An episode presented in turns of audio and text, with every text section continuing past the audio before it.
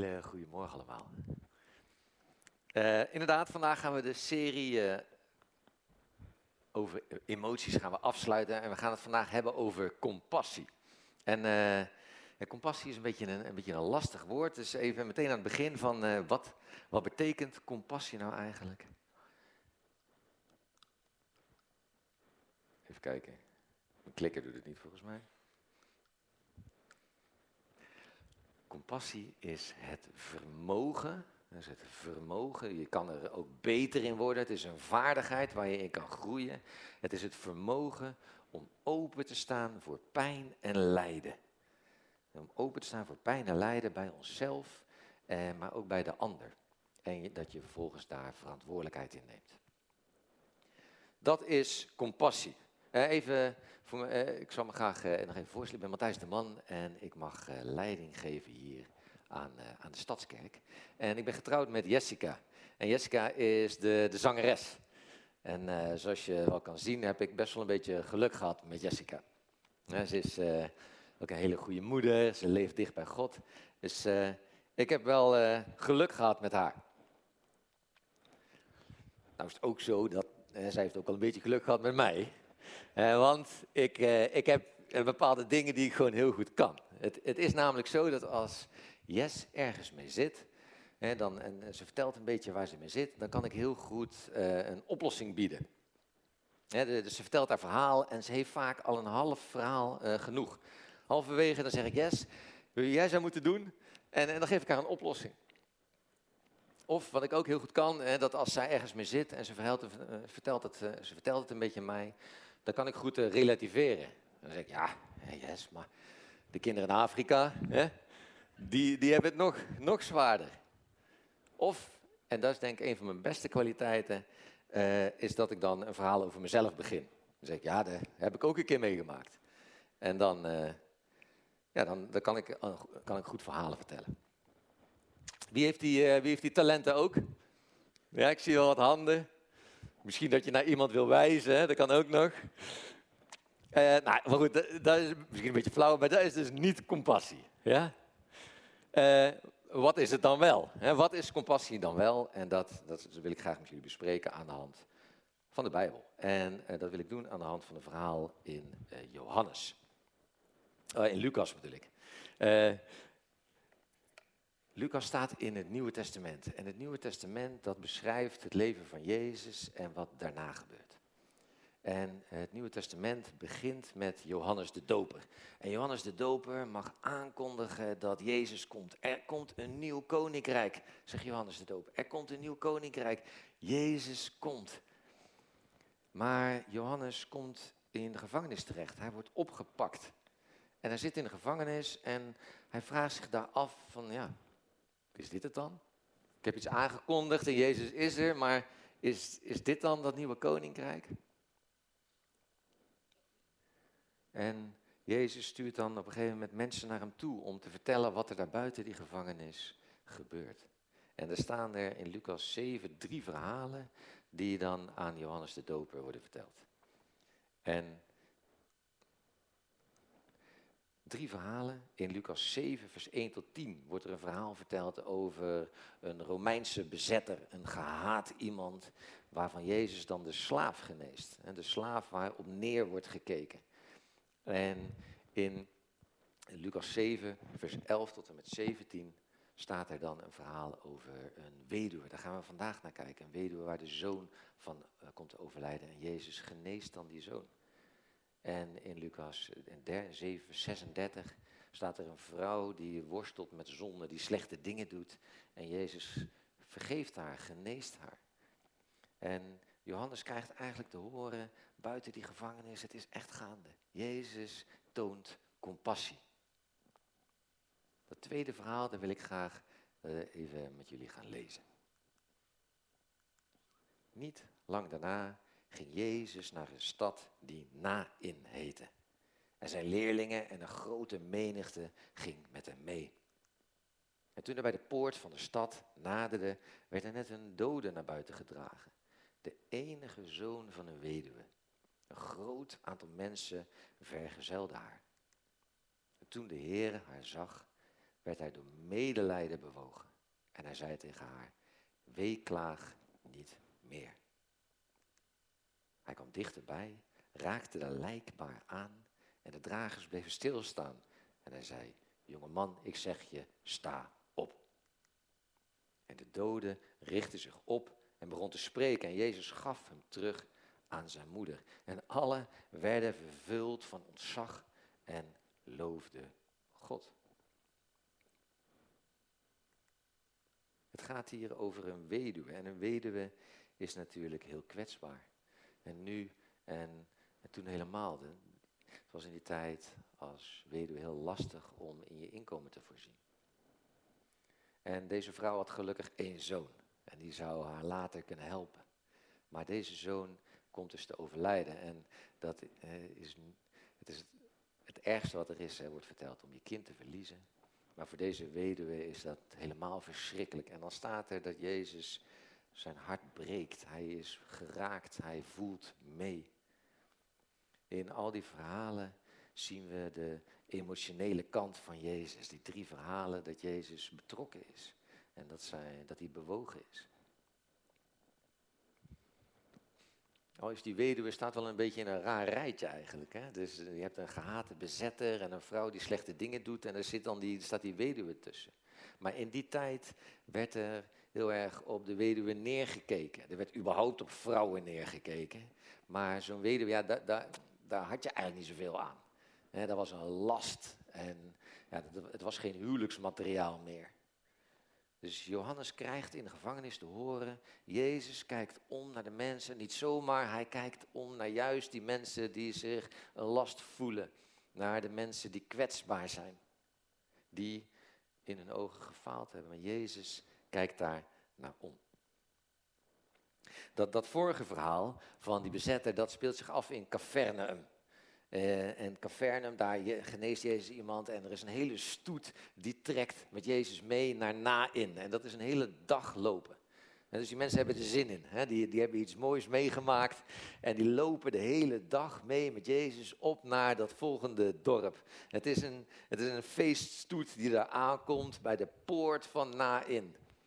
En daar, die feeststoet, wat treffen ze daar? Ze treffen een rouwstoet.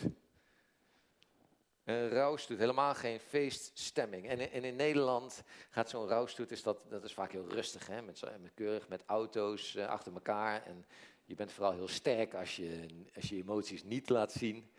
In het Midden-Oosten is dat precies andersom. Hè? Juist als teken van respect huil je heftig mee. En men gaat er ook vanuit dat dat je helpt in de rouwverwerking. Dus het is een eer om heftig mee te huilen. En daar, die, dus die, die ene feeststoet, die treft die andere. En, en, wat doe je nou in Nederland? Hè? Stel je bent met je, vrienden uitgelaten, je bent op pad en je, en je treft zo'n rouwstoet. Wat doe je dan meestal? Je ziet dat vaak in het verkeer vaak gebeuren. Hè? Dan maak je plaats, je maakt ruimte, die, die, de rouwstoet gaat voor. En misschien toon je respect, maar Jezus die doet het tegenovergestelde. Hij stopt die stoet. En hij raakt zelfs de doden aan. Iets wat voor in die tijd absoluut verboden was. Dat mocht absoluut niet.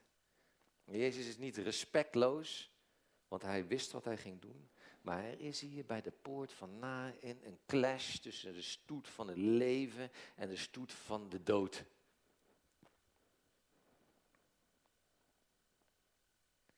In datzelfde gebied bij Nain, dat kleine dorpje, ligt een dorpje Sunem. Dat ligt heel eigenlijk vlak bij elkaar. En over dat dorpje Sunem lezen we iets van wat 850 jaar daarvoor al is gebeurd. De profeet Elisa is een grote profeet uit het Oude Testament. En daar lezen we een beetje een gelijksoortig verhaal. Er staat ook dat er een, een, iemand een enige geboren zoon had, die komt te overlijden. En Elisa richt zich dan tot God. Hij smeekt God toe een wonder. Hij, gaat, hij raakt de doden aan, hij gaat er zelfs op liggen. En ook hier geneest die jongen. En, en iets daarvoor, in dezelfde een generatie daarvoor, maakt Elia, een van de grootste profeten uit het Oude Testament, maakt ook hetzelfde mee. Ook daar is hij op bezoek bij iemand en een weduwe die haar zo, enige geboren zoon verliest. En Elia roept, zich, roept het uit tot God. En ook deze jongen geneest. 850 jaar daarvoor. Beetje gelijksoortige verhaal. Er is alleen één heel groot verschil. Jezus die richt zich helemaal niet op God. Hij hoeft niet te bidden, hij doet het zelf. Jezus doet het zelf. En daarom staat er ook in Lucas 7, toen de Heer haar zag. Dit is voor het eerst in Lucas dat Jezus zo wordt aangekondigd. Jezus is bewogen, hij is betrokken, zijn hart is gebroken, maar tegelijkertijd staat er in het vers, hij is. Hij is God en bij machten om de doden op te wekken. Jezus leidt mee. Zijn hart staat open voor het lijden. En dat is misschien ook wel een goede vraag voor jullie deze ochtend. Hoe open staat jouw hart voor het lijden? Wanneer is nou de laatste keer geweest dat je echt verdrietig was? Wanneer is de laatste keer dat je hart echt gebroken was? Heb je, heb je natuurlijk allerlei gradaties in. Hè? Misschien zit je hier en denk je, ja, dat weet ik niet. En dat is al heel lang geleden. En dan, dat je daar wat lastig bij kan. Of misschien zit je hier en denk je, nou, ik ben altijd best wel bewogen met het leed van een ander. Maar bij mijzelf, daar liever niet. Als, ik zelf, als het bij mij een keer anders loopt, als ik een keer een foutje maak, als ik een keer iets onhandigs doe, dan is het paniek. Of misschien zie je het leed bij de ander niet zo, omdat je hoopt dat je het zelf overleeft. Maar Jezus negeert verdriet niet. Hij, hij negeert die stoet absoluut niet. Hij zegt niet, oké jongens, hè, met die hele feestkaravaan, oké, allemaal even naar rechts kijken, hè, positief denken. Jezus is begaan met het leed. Maar wat breekt ons hart nou? Wat, waar zijn wij mee begaan? Dit verhaal speelt zich af bij de poort van Nain. Er is een clash tussen die stoet van het leven en de stoet van de dood. En, eh, en welke, welke clash speelt er eigenlijk af bij onze poort? En voor welke rouwstoet mogen wij verantwoordelijkheid nemen? En dat kan natuurlijk heel breed zijn, dat is ook het mooie aan hoe verschillend we zijn. Het kan je misschien enorm raken als je nu de beelden eh, ziet van wat er in de Oekraïne gebeurt. Je kan verdrietig zijn om armoede voor een bepaald land in Afrika. Of je kan juist verdrietig raken van dat je buurman steeds minder te besteden heeft. Je kan, je kan verdrietig raken van slavernij in, in, het buitenland. Of je kan het raken dat we dat daar in Nederland zelfs nog mee worstelen. Wat raakt ons nou? En het was laatste dag van het pesten. En er was op, op eh, LinkedIn deelden mensen hun verhalen over een pestverleden. En ook dat sommige mensen nu nog gepest worden op het werk. En ik, je zag die verhalen voorbij komen en dat, dat raakte me. Misschien is er ook iemand in je klas hè, die nog te maken heeft met pesten. Het is heel breed. Als ik daarover nadenk in mijn eigen leven, dan, dan moet ik altijd, er is één voorval geweest wat mijn hart echt brak. En misschien herinner ik me ook zo goed omdat ik er niet zoveel mee gedaan heb. Wij, wij woonden in het Midden-Oosten en ik trok op met een bepaalde groep met jongens. En we kwamen een keer in de supermarkt terecht. En uh, er kwam een, een dove jongen kwam die supermarkt in. En die jongens waar ik mee, mee samen was al die tijd, die pakten het geld af van die dove jongen. En, en die gingen dat zo een beetje aan elkaar door zitten geven. En, en, en die jongen een beetje slaan en, en duwen. En ik was, ik was zo verbijsterd dat ik, dat ik daarbij stond en eigenlijk niks deed. En dat ik naar huis ging en dat ik zo moest huilen. Ik zo moest huilen. Ik denk, je zal toch maar doof zijn hier in dit land. En zo dat, dat er zo op je neer wordt gekeken. Dat je zo geminacht wordt. Het brak mijn hart. Maar na een tijdje was dat gevoel ook weer weg. We, we, waren daar wel natuurlijk omdat we compassie hadden voor de vluchtelingen die vanuit Syrië daar naartoe waren getrokken. En dat we compassie hadden voor mensen die meer wilden weten over God, over Jezus. Toen we daar woonden, toen uh, werden we gevraagd, werd ik gevraagd of uh, ik wilde preken. Uh, het broertje van Jessica, Chris, die ging trouwen. En ik, het was de allereerste keer dat ik mocht preken. En dat was natuurlijk hartstikke leuk, zo'n bruiloft en een geweldig feest. Uh, maar rondom dat feest en die bruiloft mocht ik met heel veel van uh, de vrienden van Chris uh, praten. Dat mocht, maar... En in heel veel van die gesprekken kwam ik erachter dat allerlei mensen een totaal verkeerd beeld hadden van God. En dat ze eigenlijk best wel meer wilden weten over Jezus, maar dat de weg naar de kerk, dat ze die helemaal niet konden vinden. En vanaf dat moment brak mijn hart voor de stad Eindhoven. Dat het me raakt dat er zoveel mensen hier in Eindhoven een verkeerd beeld hebben van God en God niet kennen. En toen we terugkwamen vanuit het Midden-Oosten gingen we niet naar Enschede, waar we eigenlijk woonden, maar hier naar deze stad Eindhoven. Compassie kan dus, het omzien, het leed ergens waar je voor wil gaan, kan super breed zijn. Enorm divers. En misschien is het goed om daar even ook bij stil te staan. Wat raakt jou nou? Ik wil vragen of je daar heel even een momentje voor wilt pakken. Als je nog niet gelooft, dan eh, laat het een moment van bezinning zijn. Dat je even een moment pakt en je, en je tot God wil richten. God, wat breekt mijn hart nou? Even een momentje pakken.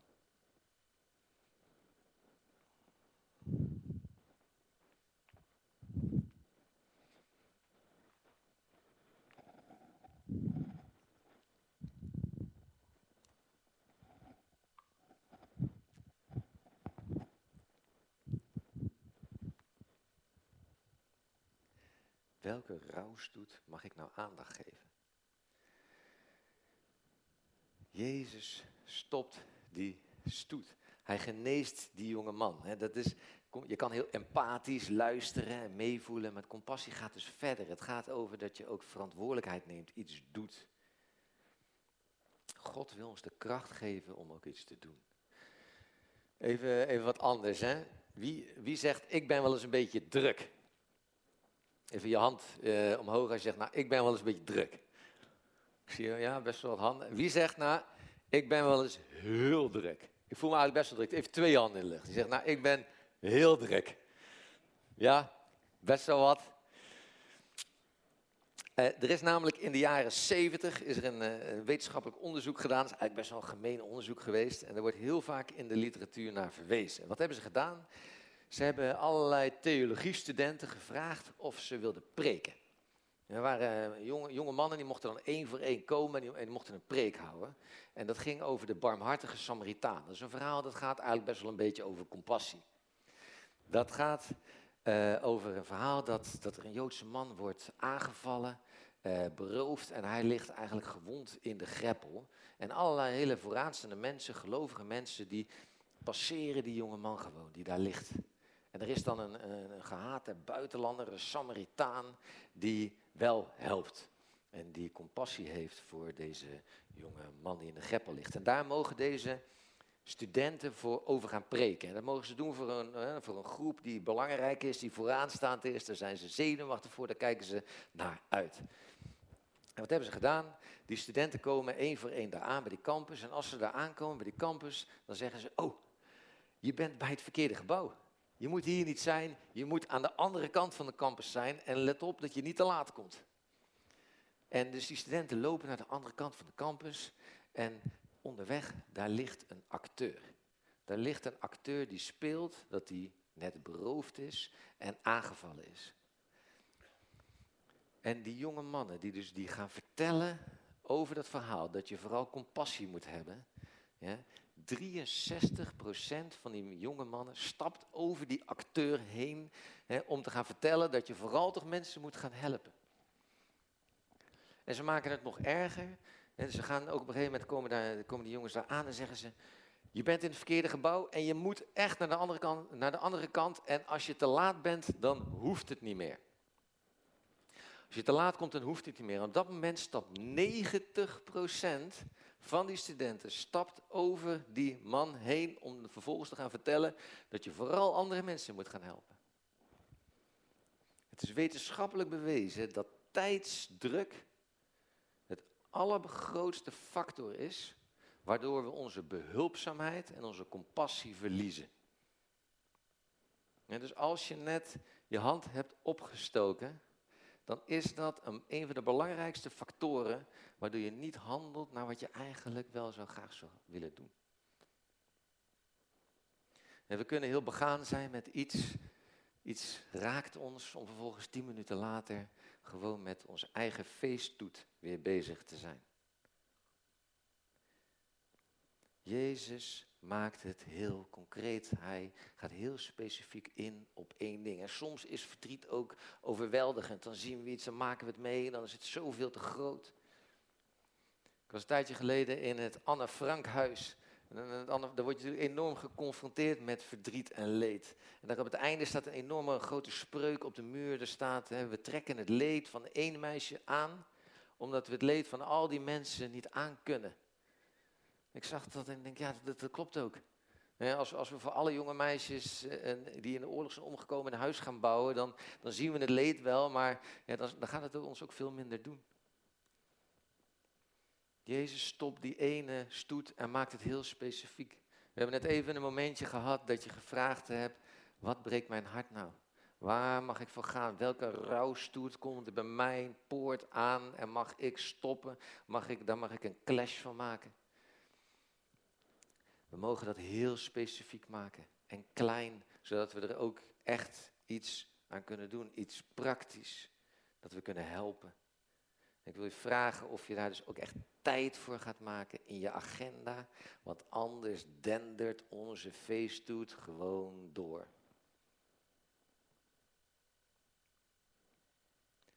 God keek naar de aarde. En God keek naar de aarde met compassie. Zijn hart brak voor ons. En hij kwam in actie door zijn zoon te sturen. Elia, Elisa en Jezus hadden allemaal te maken met een enige geboren zoon die kwam te overlijden. En God dus ook. Want ook Gods zoon stierf. Maar, net als bij die andere zonen, stond ook Jezus op uit de dood. Weet je, het verhaal herhaalt zich. En er is alleen een groot verschil, want Jezus werd niet aangeraakt. Hij werd niet voor hem gebeden. Jezus worstelde zelf met de dood. Hij was alleen en worstelde zelf met de dood, maar hij overwon. Jezus overwon de dood en daardoor bracht hij hoop voor nu en tot in de eeuwigheid. En daarom als er leed is, hè, we hoeven het niet te ontkennen, we mogen het in de ogen zien, maar we hoeven niet een, of andere slappe eh, oplossing te bedenken of het te relativeren, te ontkennen. We hoeven ook niet te zeggen, uh, zet hem op. Hè? Ik duim voor je. Nee, we mogen echt hoop brengen. We mogen mensen vertellen, het is echt waar. Jezus heeft een, het dood overwonnen voor nu en altijd. Nu al mogen we het op aarde gaan ervaren, maar dadelijk tot in de eeuwigheid. En God wil ons ook nu kracht geven om met verdriet om te gaan.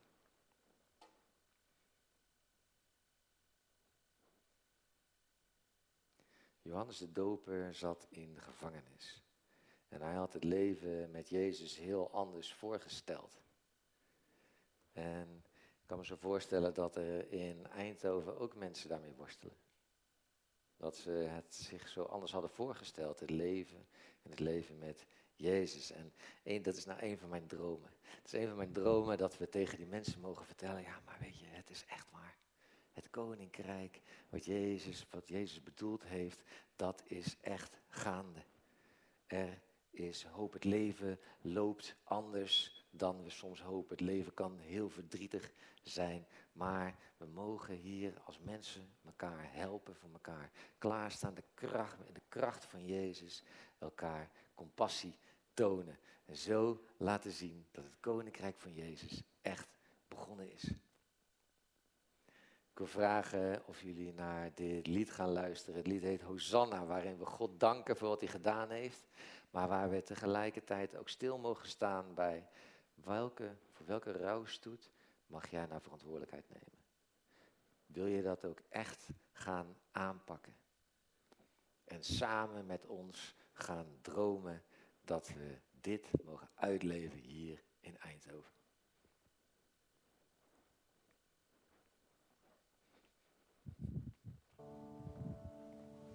I see a generation rising up to take their place with selfless faith, with selfless faith. Oh, I see